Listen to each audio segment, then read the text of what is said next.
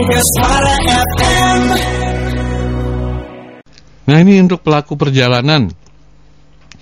Untuk melakukan perjalanan domestik yang menggunakan moda transportasi jarak Kalau jauh, dua hari pakai PCR. kartu vaksin minimal. Ini vaksinnya Yang vaksin pertama. vaksin COVID kan, bukan BCG. Tuh Pak, saya udah dituar tangan, udah dicak-cak, bukan ya. minimal vaksin dosis 1. Ya. Negatif PCR H-2 untuk pesawat, Ya. negatif antigen H-1 untuk moda per- eh, transportasi jarak jauh lainnya. Hmm. Kalau angkot mah enggak, tapi 70%. Ya, betul.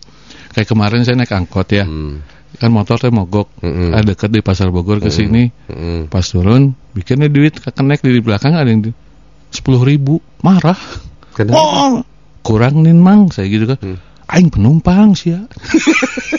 Lah iya tuh. Gua- angkot, angkot mana? dengerin dulu. Gua Eh, udah lama nggak nggak naik angkot. Eh. Gua masih terobsesi bahwa angkot itu kan ada keneknya.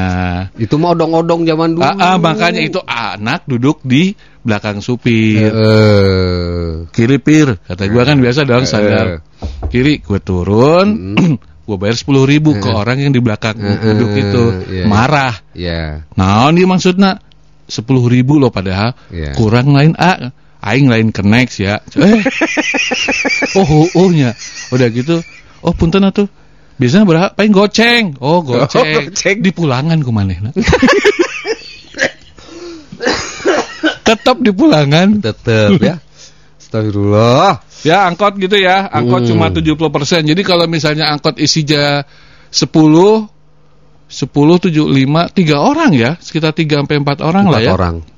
empat orang ya di depan dikosongin Pak supir ya Mhm. ya Ya enggak lah.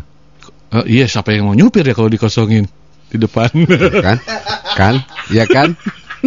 Tuh kan? lo bener Gini, gini jadinya kalau ngomong sama lu. gua setuju lo ngomong jangan Iya. ya jangan Iya, masa di iya, depan iya. dikosongin yang nyetir siapa Maksudnya penumpang, John. Mega Suara FM.